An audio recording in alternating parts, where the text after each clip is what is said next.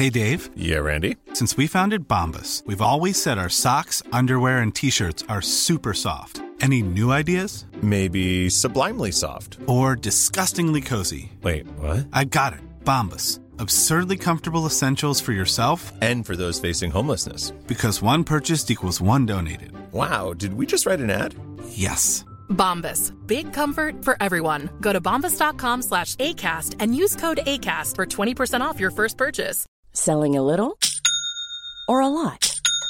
Shopify helps you do your thing however you cha-ching. Shopify is the global commerce platform that helps you sell at every stage of your business. From the launch your online shop stage to the first real life store stage, all the way to the did we just hit a million orders stage. Shopify is there to help you grow. Shopify helps you turn browsers into buyers with the internet's best converting checkout. 36% better on average compared to other leading commerce platforms because businesses that grow grow with Shopify. Get a $1 per month trial period at shopify.com/work. shopify.com/work.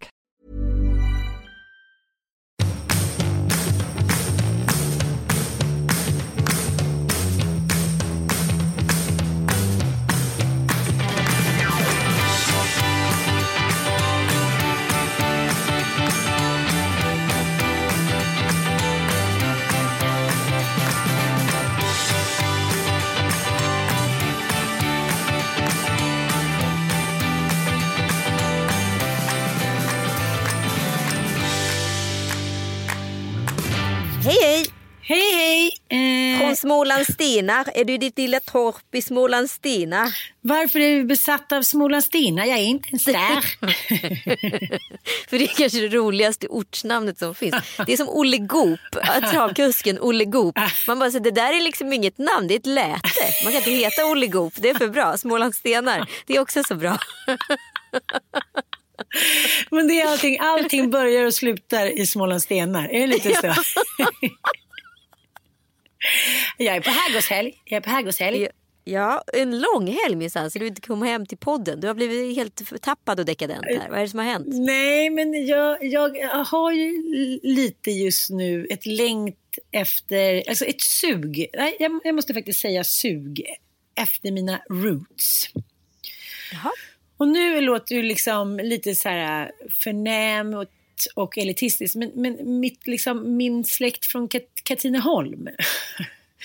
Där finns det ju inte så mycket anor och så mycket traditioner och så mycket minnen och sådär. För jag var nästan aldrig där. För det var inte så. Farfar var ju död och farmor var liksom, hon tyckte inte att det var så himla festligt när vi kom. Men vi fick komma dit en liten stund och fika lite och sådär.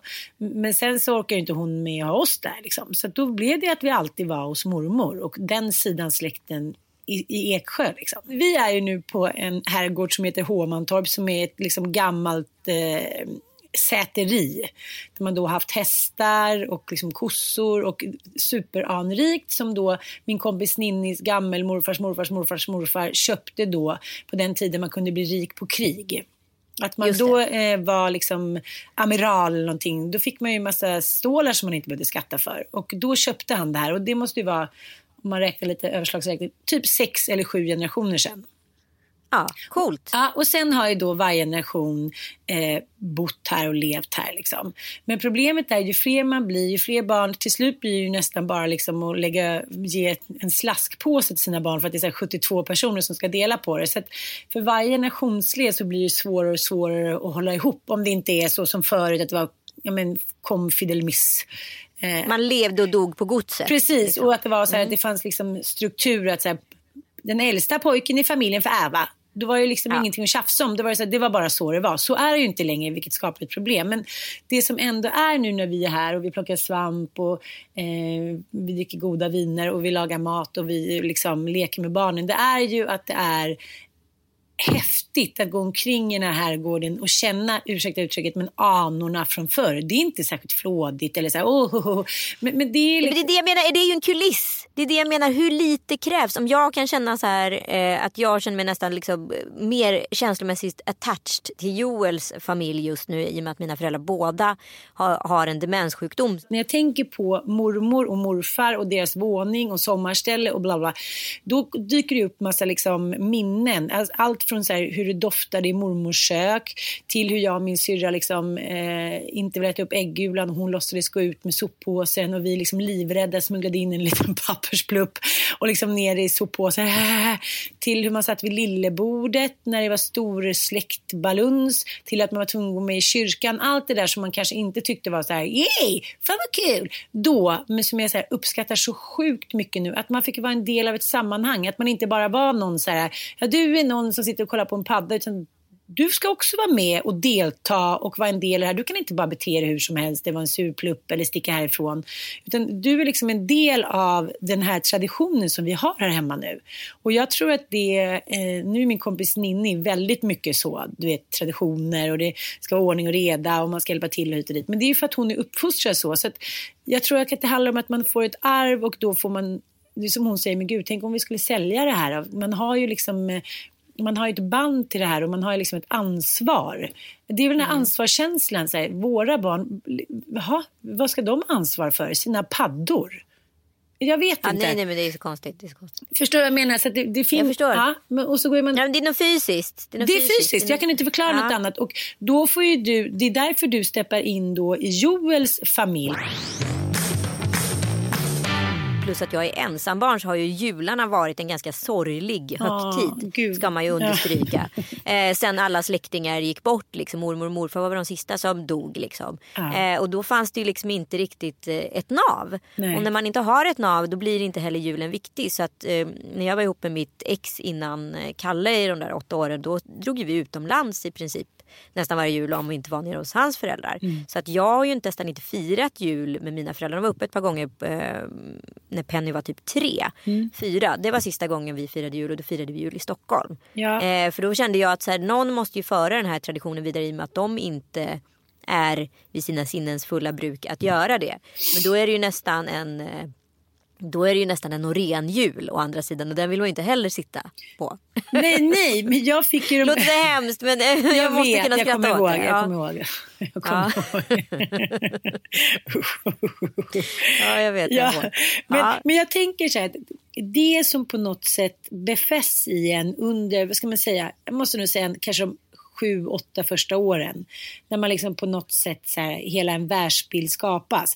Det sitter ju fast i mig i perioder när det varit skakigt eller jag mått dåligt eller känt som att jag tappat fotfästet. Då bara mormor, mamma, traditioner. Det är bara liksom ett kroppsminne jag har. Ja, men då var det ju din mamma som var liksom, eh, vad ska man säga, navet. Precis. hon som styrde upp familjen och såg till att allt det här mm. hände. Mm. Och, liksom så här, och då var det ju upp till dig att så här, bära hennes liksom arv. Jag Har vet. du klarat det? Men alltså, det finns ju också en stolthet i det där. Som nu när vi har varit här, då har vi klätt upp oss lite inför vi ska käka på kvällarna. Det gjorde alltid vi hos mormor, det gjorde vi alltid hemma. Alltså, det finns Underbart en stol- ju. Ja, men alltså, det, inte, vi kan inte föreställa någonting. Men man tar lite läppstift, man säger, det finns en stolthet i... Men att man inte slasar ner i mysbyxor liksom. Ja, och att det är så här, ja det tog två timmar längre tid att göra den där liksom, potatisgratängen med 20 kilo lök. Men också igår den middagen vi åt och det vinet vi drack, det var liksom Liksom religiöst. Jag kommer tänka på den middagen i perioder av sämre matintag. Och då tänker jag också att när, när, livet är tungt, då kan man ju, även i en relation så kan man så blunda och komma ihåg de första månaderna och hur man kände, hur vackert allt var, hur nära man var, öppet och ärligt och naket och sårbart och fantastiskt. Och då tänker man så här, vi kan kanske inte hitta till det där nyförälskade men vi kan liksom hitta tillbaka till någonting för vi vet att det ligger där under.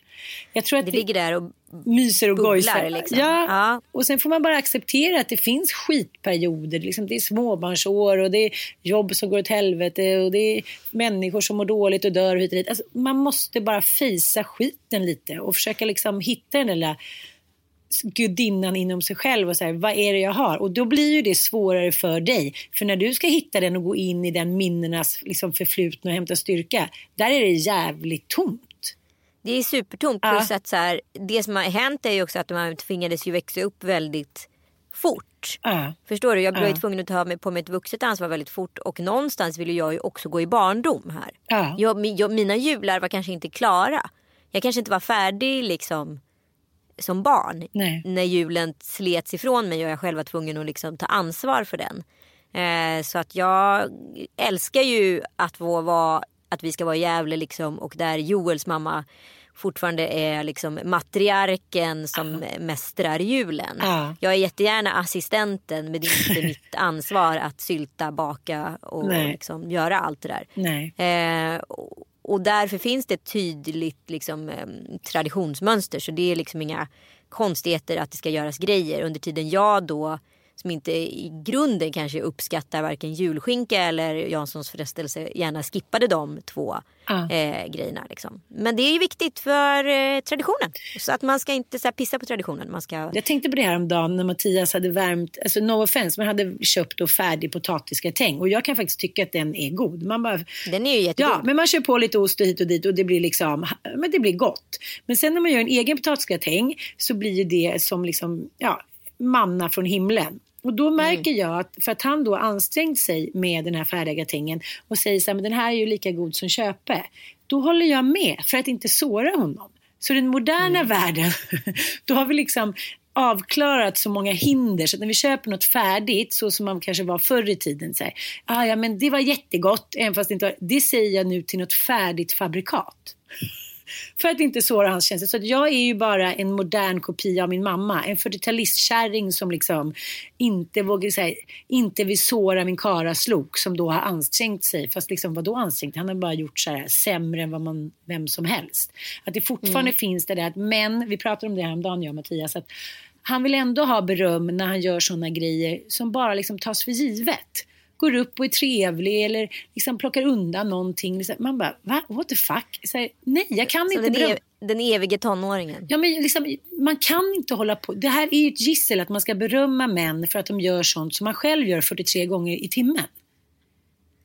Ja, jag har ju insett, jag har ju synat en bluff. Jaha. Den personen som säger så här, ja, ah, men nu har jag bäddat. Alltså en person som bäddar varje Ja. dag. Ja. Den tänker ju inte ens på att den bäddar. Den Nej. bäddar.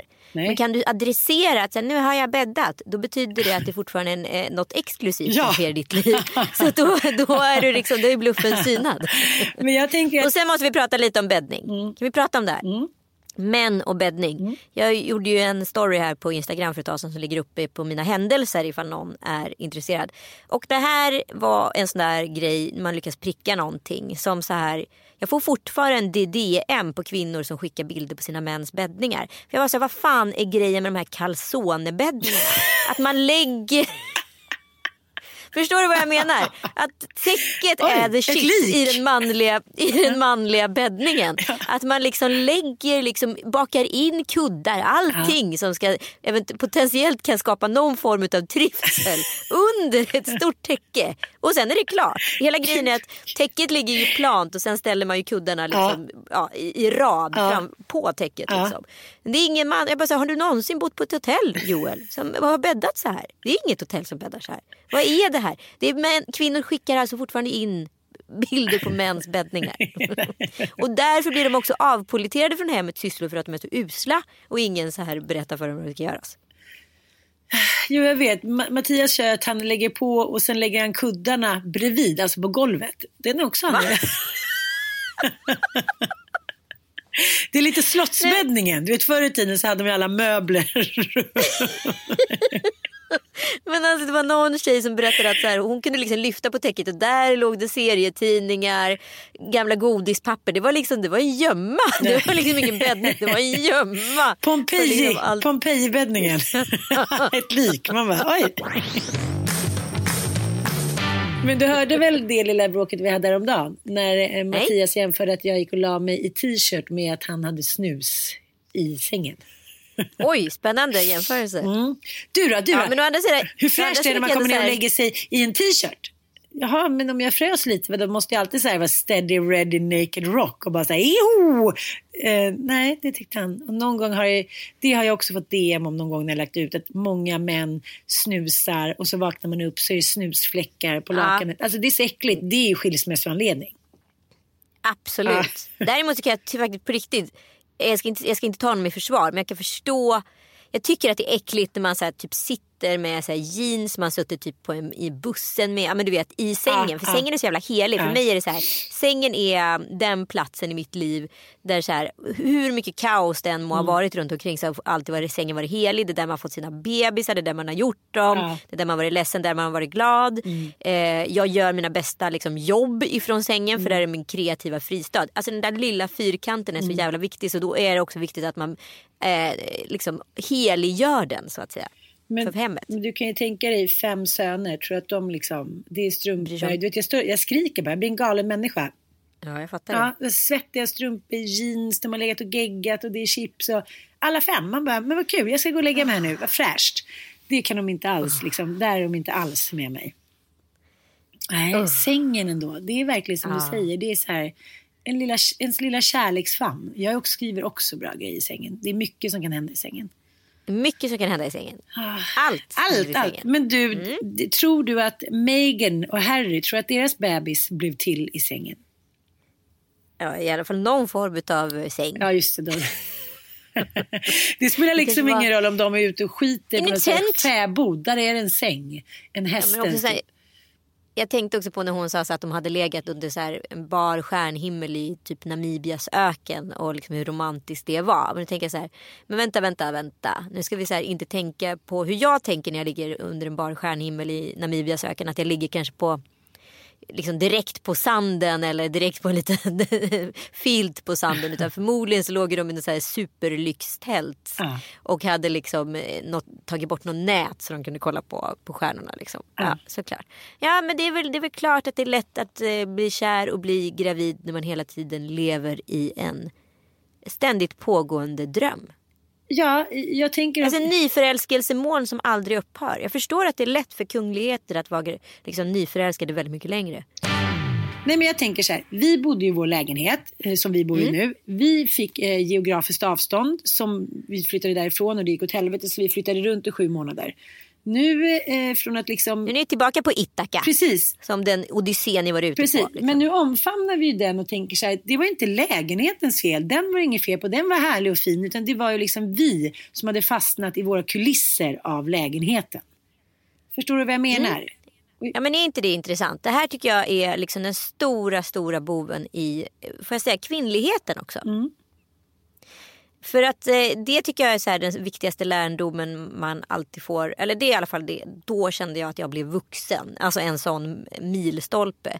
När man så här har gått och gnällt på eh, respektive. Man har skilt på det här och skilt på det här. Och sen så liksom Helt plötsligt gör man sig av med allting som man kan skylla på. Så inser man att cirkusen bara pågår. Då måste man ju till syvende och sist inse att det handlar om en själv. Ja, det är oftast det det handlar om. Det handlar inte om Mm. att det är så här, det är klart att det vore jättemycket härligare om vi bodde i en herrgård mitt i Stockholms centrum och hade liksom 200 rum. Men, men eh, till syvende och sist... Jo men 200 rum kommer väl sluta med att du ändå är du som städar och får fixa. Men hade du haft en husa och en, barn, eh, vad heter det, flicka som hade tagit bebisarna på natten eller barnen på natten. Då hade du liksom kanske varit utvilad och pigg och stark. Det är det jag menar, det är därför allting är så jävla mycket mer underbart när man är på all inclusive. Exakt. Ja. Men okej, kulisserna till trots. Du har insett att det handlade inte om eh, lägenheten. Det handlade om relationen. Precis.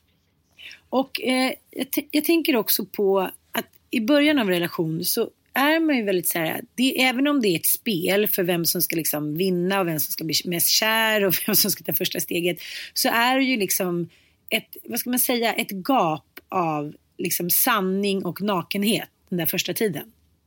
Mm. Det är lite som när man är nyförlöst och tittar på det där barnet och säger gud, det här barnet verkar ha levt i tusen år men det är liksom helt nyfött. Det, det, det är någonting och det, så är det ju lite tycker jag med nyutsprungen kärlek. Man säger, det känns som att jag har älskat den här mannen hela mitt liv men jag träffade honom för tre veckor sedan. Märkligt. Okej. Eh, och sen är ju det som Bergman säger att sen har man liksom några månader på sig och sen kommer liksom vardagen, svartsjukan, oginheten, eh, maktkampen in liksom. Så det är väldigt, ja.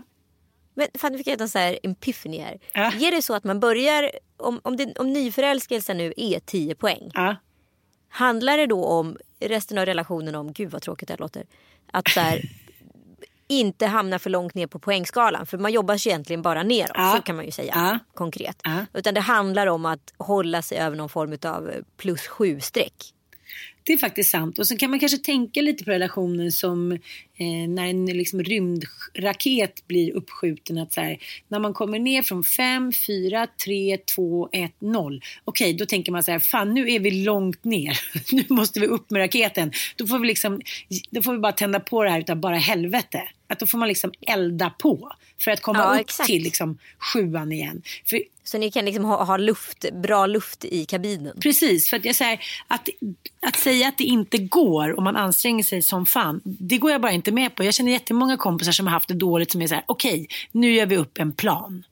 Du, Vi snyggar till oss båda två, eh, vi börjar träna, vi liksom eh, eh, vi hittar på roliga grejer tillsammans, vi dejtar och sen har det liksom gått ganska snabbt och sen är de eh, mer nykära än någonsin förut. Liksom. Ja, men jag hörde en så otroligt rolig överklasskvinna som jag inte känner men hörde henne diskutera en grej. Och då var det så här, en, en, eh, gemensam kompis som skulle separera och var väldigt ledsen för det här. Och hon var så här oerhört östermalmsk Ah. eh, i, sitt, eh, i sitt angreppssätt på det här. Hon bara, men sånt där trams. Sånt där trams, det, går man ju, det kommer man ju vidare Men han har ju varit otrogen. Ja, ja, ja, det är bara att titta mellan fingrarna. Det går vidare. Det, går, det är bara att bita i det sura äpplet. Det, det, det är bara att kämpa på. Det går bra. det var hennes liksom inställning till det hela. Och man bara så här, men gud, du lever så annorlunda. Så tänker jag så här, men kanske har rätt. Eller? Man, man, man, lite... Ligger det något i det? Liksom? Ligger det något i att man inte ska gå in i varje känsla? Det är lite, jag måste tillbaka till svampskogen igår. Men liksom, första dagen var alla så här, joho, vi ska leta det gyllene guldet. Vi skulle ha läten och så, man skulle sätta på sig svampögonen. Och det var liksom, ja, det var som en äventyrslek, det var som en skattjakt. Dagen två, ja, då hade de liksom gjort det precis dagen innan. Då var det ju inte lika liksom, spännande. Och då eh, var det som att utspela sig just en relation. Ja, och nej, de ville bli burna helt plötsligt och det var så jobbigt och de la sig, de ha varm choklad, de ville ha liksom kakor. Nu var vi tvungna att De liksom... gick in i varje känsla. De gick alltså. in i varje känsla att det var jobbigt tills vi så här, vi struntade i det. Oj, nu var det jobbigt. Oj, där var en pinne. Oj. Men eftersom vi struntade i det så var de ju tvungna att ta sig ur sin känsla av tycka synd om eller tillkortakommande eller trötthet själva. Jag tänker att det är samma sak i en relation. Om man liksom hela tiden ska prata med kompisar eller gå till psykolog eller liksom tycka synd om sig själv och ta på sig offerkoftan, då kan du ju inte ta dig ur det. Det är ungefär som man Men jag tror, så här, jag, tror liksom, jag tror inte på Östermalmskvinnans Nej, det liksom, gör inte jag heller. Problemet. Det är ju sopa under jag tror mattan. att Många kvinnor upplever ju att de här, det är de här stora konflikterna, de här stora dramorna, eh, nyansskiftena i relationen som skapar liksom, eh, tristessen som leder till en separation. Mm. Under tiden männen upplever att smågnabbet är det som så här, gör att de inte står ut. Ja. Men de här två är ju liksom beroende av varandra i en konflikt. Förstår du? Mm, Ja, så in, till syvende och sist så blir det samma sak fast på helt olika sätt. Men om man nu väljer då helt enkelt som kvinna att inte ta varenda minikonflikt, typ calzonebäddningen. Ja. Utan så här, går vidare där och liksom ser mellan fingrarna och skrattar åt det och, och så vidare och så vidare. Då, då har du liksom dödat en möjlighet till att skapa den här kulissen som Jag vet. Och det som, som jag alltid pratar om, det geografiska avståndet är ju att man aldrig är så kär i sin partner som när man är en bit ifrån. Åh, vad man är förstående och förlåtande. Åh, vad kul det är när den liksom får ta det lugnt och ha det skönt. Och sen kommer man hem och så ser man det där så här calzonebäddningen, eh, smacket, eh, liksom lättstressen eller vad det nu handlar om. Och då är det så jävla lätt att liksom, men jag tror att det handlar om KBT. Man får KBT sig själv. Så här. Who gives a fuck? Vad spelar det för roll? Träden är liksom 700 år gamla här ute på gården. Vi, om vi nu vill leva för alltid och försöka älska varandra, så här, släpp det bara. Som med allt annat. Liksom, bli av med en dålig vana. Alltså, det, det är ju när man går in i det där och liksom väljer bitterheten och irritationen. Då går det ju skitsnabbt. Ja men det är ju den kulissen så här. Sätter du väljer att ta den delen av skådespelet. Då är det ju väldigt lätt att så här, eh, bara pinpointa alla fel i relationen. Och inte se till de bra. Och den är ju en jobbig kuliss att så här, tvätta bort. Det ju, tar ju otroligt lång tid att så här, färga svart, en svart vägg vit. Så kan man ju säga. Jo, jag vet. Fast det handlar också ganska mycket om att bestämma sig. Jag tänker säga, jag sa till Mattias häromdagen, nu måste vi kyssa varandra varje dag. Jag klarar inte av det här liksom, då kan jag lika gärna kyssa någon snubbe på gatan eller min bror eller mina barn. Så här, stoppa in tungan. Nu, nu tar vi... Och rulla runt. Ja, alltså, man blir ju lite lyckligare av... Alltså, människan är ju inte så jävla komplicerad. Tydligen så ska det ju vara så här enligt psykologin att det är någon, ett ämne i kroppen som jag tyvärr inte kommer ihåg namnet på som utsöndras då på morgonen. Om du säger någonting väldigt snällt till din partner eller om du kysser den passionerat. Alltså någonting, det lugnar och fredar hela din dag. Så du kan egentligen råda bot på kvällens konflikt genom en morgonkyss.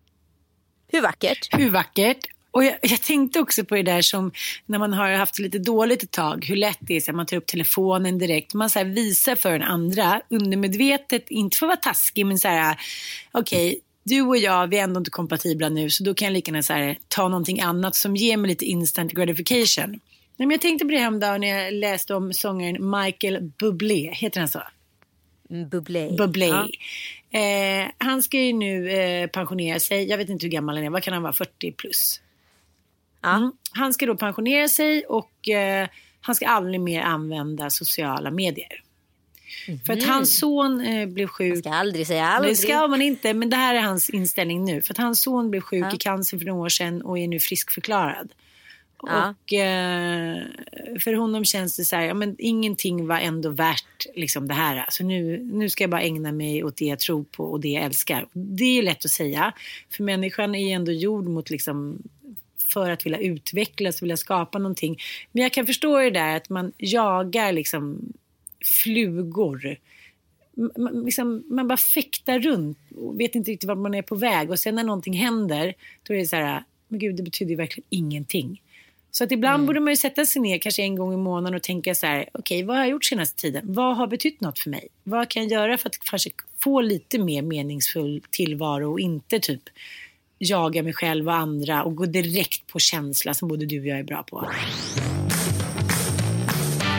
Ja, men det finns ett TED-talk som Tim Urban har som jag tycker att alla ska kolla på. Ehm, och det handlar om Vem äger apan? Och så här, i oss så finns det en duktig flicka som alltid vill göra rätt, alltid vill plugga i tid och så vidare och komma i tid och ja, har höga ambitioner helt enkelt i sitt liv och är ganska faktiskt jävla bra. Sen finns det någon som har lite kontrollen över den här flickan och det är ju apan. Apan vill ju bara göra kul. Apan vill festa, apan vill eh, äta godis, apan vill kanske pilla sig lite längre i naveln så att den kanske kommer för sent till det där mötet som den där duktiga flickan jättegärna vill komma i tid till. Eh, och då ja, ljuger apan och säger att det var någonting med tunnelbanan eller vad det nu var. Alltså ja, apan är kreativ liksom. Hon är, hon är duktig liksom, på att hitta på ursäkter för duktiga flickan. Så de har ju något så här hat-kärlekssamarbete de här två. Liksom. Eh, duktiga flickan vill ju egentligen inte ha någonting med apan att göra men är så jävla beroende av apan kan man väl säga. Men eh, de verkar ju ändå lira samma spel. Men finns det någon som kan kontrollera den här apan? För apan har ju verkligen makten över flickan. Det är kaosmonstret. Vet du vad kaosmonstret är? Ja, Det är kao- det är väl den som Ja, försöker ta tag i problemet. ja. Den enda som kontrollerar apan är ju kaosmonstret. Ah. Eh, det är ju nämligen så att kaosmonstret dyker ju upp när liksom apan och flickan har liksom, eh, lirat lite för länge och är så här: okej men imorgon är den här deadlinen baby. Nu är det dags att så här, st- styra upp sig. Det är då kaosmonstret sätter igång och städa. Det är då både flickan och apan springer runt som två vettvillingar och börjar försöka lösa problemet. Kaosmonstret äger oss. Och så beror det på hur långt varje person har till sitt kaosmonster. Ja. Som i ditt fall så är ju apan gillar ju, alltså apan äger ju dig Ann. Det kan vi ju säga. Det beror ju på, vilk, det beror ju på. Om jag, om jag kommer, liksom, när man har kommit igång till exempel, om apan så här, vad ska jag säga, om apan stäver till exempel när man sätter igång och jobba och som om jag skulle sitta här och skriva en bok, då skulle ju apan så här, vara min Är bästa det, är, kompis. det, är det duktiga flickan eller apan som har bestämt att du ska vara kvar i Småland idag? Då var det kaosmonstret som var tvungen att podda och lösa problemet. Ja, men, jag vet inte. Allting, alltså alla de här tre personerna man ska säga, går ju hand i hand. Eh, Nej, kaosmonstret är ju den som så får dig att så agera. Aha, De andra okej, okej. två liksom löser sig ju själva på något sätt. Då tänker jag så här eftersom jag såklart har tänkt på det, att om jag stannar här en dag till och Mattias är hemma och hinner fixa lite och jag hämtar kraft och liksom får njuta av att vara med mina barn och allt är fint och vackert ordnat och får en till kantarellorgasm, då eh, kommer duktiga flickan eh, bli tydligare resten av veckan. Ja, ah, du tror det? För det är inte så att apan kommer så här, eh, liksom, tycka att det är skitkul när din kompis Jenny ringer och säger ska ni komma hem på middag hos oss ikväll och så dricker ni lite fler glas vin än som var tänkt och så blir det där uppskjutet en dag till som du tänkt att göra eftersom du var så bakis då dagen efter så du klarar inte av riktigt att göra det där på förmiddagen som du tänkt så hela dagen. Jag blir ju aldrig så bakis i och för sig men ja. Nej men du förstår jag vad jag menar. vad du menar. Nej men jag tror inte det. För det där är lite som vi pratade om i början av podden det där kroppsminnet, den där känslan av att när man vet när man tar tag i grejer.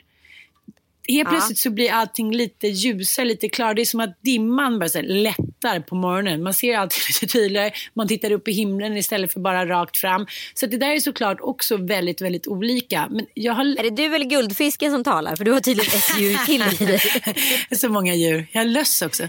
Eh, loppor. Nej, men, men, men för då blir det så här. Eftersom jag måste ändå säga i den miljön, lägenhetsmiljön med sju personer, eh, håller på att renovera hit och dit, så är det väldigt lätt att kaosapan och eh, liksom ingen vet riktigt sin plats i mitt liv. Utan alla så här, försöker liksom övervinna varandra på sin sida, man ska säga.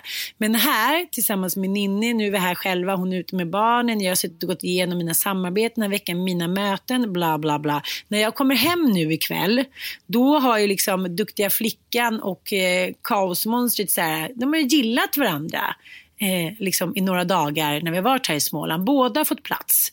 Eh, Och apan faktiskt lite också. Så nu är de här kompisar. Och då blir det inte samma jävla konflikt. Och det är ju samma sak liksom i vilken relation som helst. Om alla olika, om Dr Jekyll och Mr Hyde och liksom hushållerskan är kompisar, då är det ju mysigare att vara där hemma. Samma sak som att det är mysigare att vara inne i kroppen. Förstår du vad jag menar? Mm, jag förstår vad du menar. Men jag bara funderar på hur liksom. För jag tycker ju så här. Om jag tänker på mitt eget liv så tänker Ja. jag på så här. Eh, ja men det här gick ju bra. Alltså det här funkar ju bra och så här ser det ut. Och så här har jag en idé utav hur mitt liv är och vem jag är. Ja. Men så vet ju jag att det kanske inte är hela sanningen.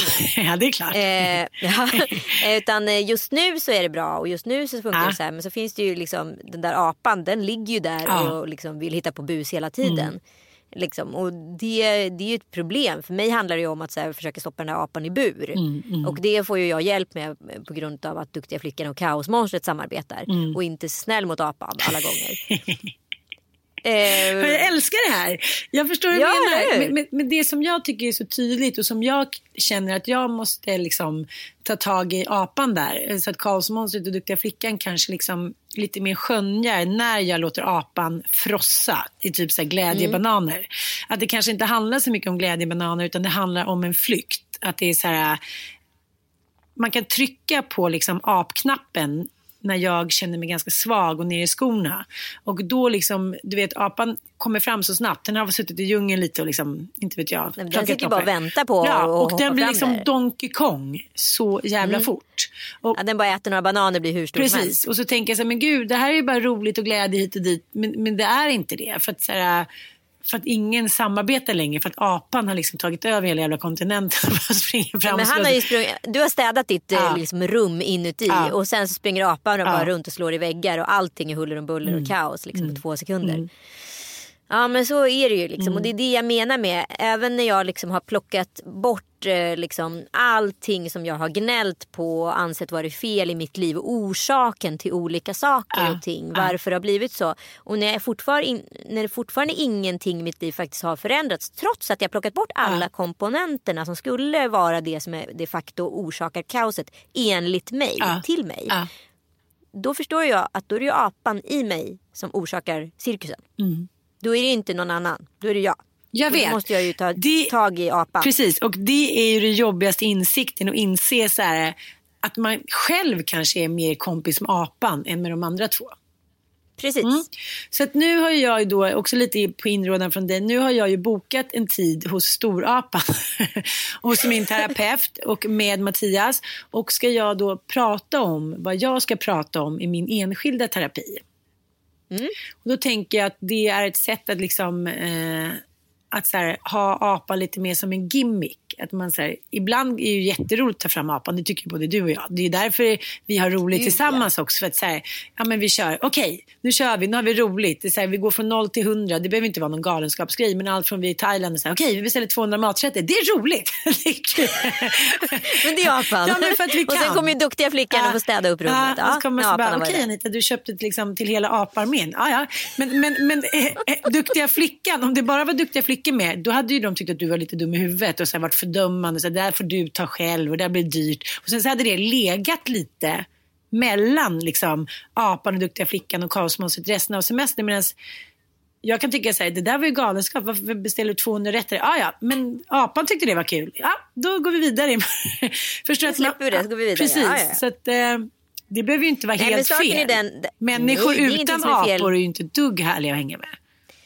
Nej, alltså apan måste ju finnas Mm. där. Däremot så tror jag liksom att det som är, okej nu pratar jag om mitt liv mellan så här 20 och 40. Mm. I, mellan, mellan 20 till 32 kanske. Mm. Så var jag 70% apa. Mm, Och sen var jag helt tvungen helt enkelt tvungen att stoppa apan deltid i en bur. Ja. För att eh, jag blev mamma och det innebar en helt typ ny nivå av ansvar. Mina föräldrar blev sjuka och så vidare. Och då Mm. kan ju inte jag ha, vara 70% apa. Det funkar ju inte för mig. Liksom. Nej. Utan då måste ju för i bästa fall vara 30% apa. Och Mm. nu kanske det till och med är så att det bara finns 20% apa kvar. Men den finns ju där. Jag kommer ju aldrig ta bort den. Men jag märker att jag mår ju ganska mycket bättre utan så mycket apa i mitt liv. Men, men det är bra att reda ut det, för det är så vi pratade också om förut, att det finns en känsla i ens kropp. Så man kan se vissa människor eller familjer som beter sig helt rationellt, helt oväntat. Man tänker så här, varför blev det nu liksom apberget? Varför hamnade alla i kaos och liksom förnekelse? Och, ja, så får man en förklaring sen. Det beror på det eller det beror på det. Och, syrran gjorde så eller min mamma bråkade. Alltså, så här, det finns ju oftast en förklaring. Man blir ju inte bara liksom kokobello helt plötsligt. Nej men och det här är ju väldigt spännande tycker jag. Återigen om man ska knyta an på så här, eh, adoptionsspåret. Det här blir jag ju nästan så här, ett kliniskt eh, experiment. Förstår du?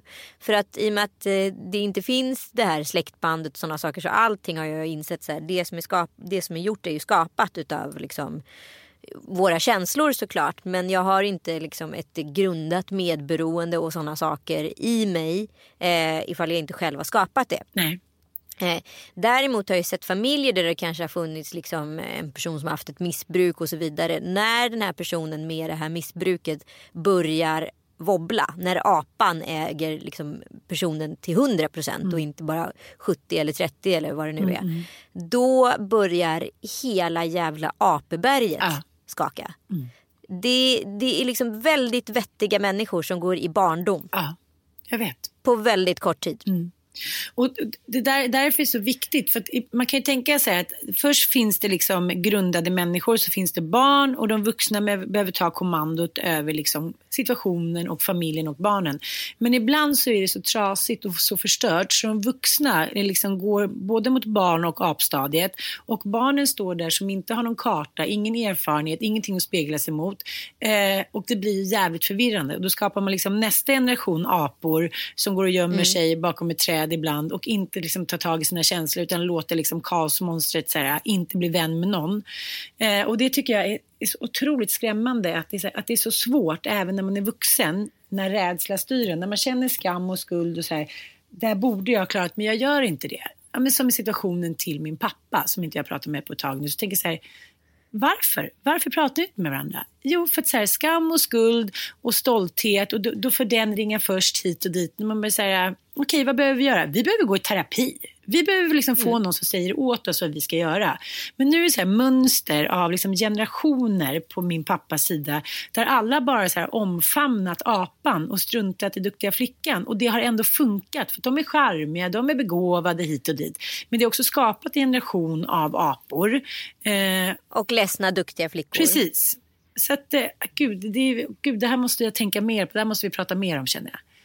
Ja, I need- eller I hur? need Det finns något i det här. Ja. Tim Urban heter han alltså, han som har gjort det TED-talket. Kolla gärna på det som sagt. Det är väldigt intressant, väldigt spännande. Och så översätt det eh, helt eh, onyanserat skulle jag säga till ditt eget liv. Och försök liksom vara så hård mot dig själv du bara kan. Då blir det ganska lätt att bena upp eh, vem som äger bollen hos dig. Om det är apan, om det är kaosmonstret eller duktiga flickan. Nu ska jag gå och ehm, eh, dricka lite kaffe och äta den lilla äppelpajen som vi har gjort här. Kanske ta en liten svampmacka. Fan, det är farligt att leva i såna här herrgårdsliv. Ja, du kommer aldrig kunna komma hem till en vardag. Du bara styra upp herrgårdsmönstret hemma. Alltså. Ja, vi ses imorgon eftermiddag förresten. Då ska vi leva italienskt adelsliv. Det ska vi verkligen. Vad härligt vi ska ha det. Ja. Och sen måste vi också sätta igång och eh, repa våran show som det. ska upp den 23 november på Winery Hotel i Solna. Jag hoppas att ni kommer vara lika pepp på det här som vi är. Vi har ju Julia Frey som gästartist och eh, vi putsat upp showen från i våras och eh, hottat upp den några decibel. Så nu kommer det vara riktigt, riktigt, riktigt skoj. Och det är det apbilligt. inte var det innan, det var det verkligen. Det är typ som ett Och det är apbilligt. två kilo 150 bananer. Typ. Ja. Gå in på Tixter.com och boka er biljett till förfest med Lille Lördag eller klicka på min bio i min Instagram-profil. Även din. Ja, duktiga flickan ska nu direkt kasta bananer på apan och sätta sig och ordna det här med kaosmonstret. Ja, ja, ja, ja. Super! Då uh, hörs vi om en vecka igen då helt enkelt. ja. Puss och kram. Puss och kram. Hej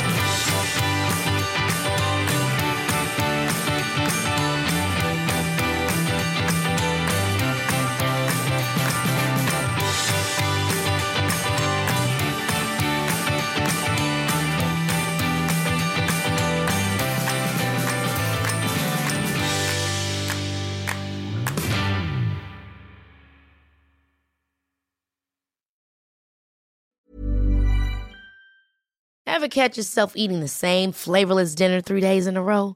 Dreaming of something better? Well, HelloFresh is your guilt-free dream come true, baby. It's me, Kiki Palmer. Let's wake up those taste buds with hot, juicy pecan-crusted chicken or garlic butter shrimp scampi. Mm. Hello Fresh. Stop dreaming of all the delicious possibilities and dig in at HelloFresh.com. Let's get this dinner party started. Hi, I'm Daniel, founder of Pretty Litter. Cats and cat owners deserve better than any old fashioned litter. That's why I teamed up with scientists and veterinarians to create Pretty Litter. Its innovative crystal formula has superior odor control and weighs up to 80% less than clay litter. Pretty Litter even monitors health by changing colors to help detect early signs of potential illness. It's the world's smartest kitty litter.